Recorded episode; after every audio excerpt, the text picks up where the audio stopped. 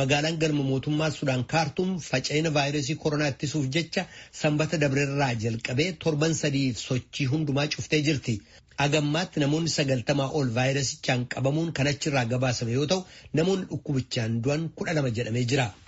Caasaan fayyaa biyyattii wal waraansa waggoota hedduu fi uggura dinagdee biyyattii irra turerraa kan ka'e kan manca'e ta'eyyuu hojjetoonni eegumsa fayyaaf to'attoonni dhukkuba daariqaa akka vaayirasichi hin babal'anneef adda durummaan carraaqaa jiru jedhamee jira.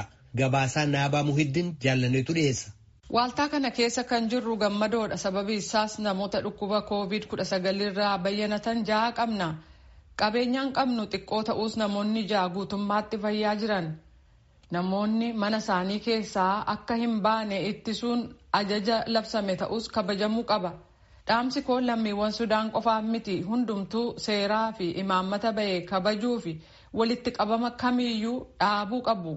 Yeroon kun hin darba. Namoonni du'anis lakkoofsaan xiqqoo ta'uu jedhan. Dr. Alnaazer Altayib ministeera eegumsa fayyaa Sudaan keessatti daayirektara kutaa ittisa daariqaa yookaan infekshinii ta'uun hojjetu. Isaanis akka jedhanitti har'a lakkoofsi jiru dabaluu dhageenya. Kana malees namoota koovid kudha sagaliin qabaman kanneen mallattoo dhukkubichaa hin argisiifne waaltaa addaa keessa keenyee jirra. Inni kun waan wal dhahe nu agarsiisa. Kanaaf imaammata waaltaa keenyaa keessa jiru jijjiiruu qabna.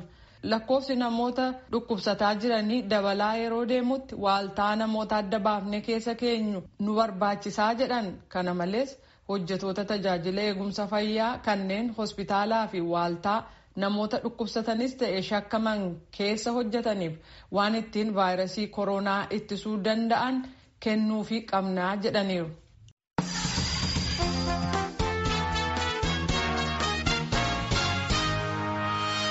Away.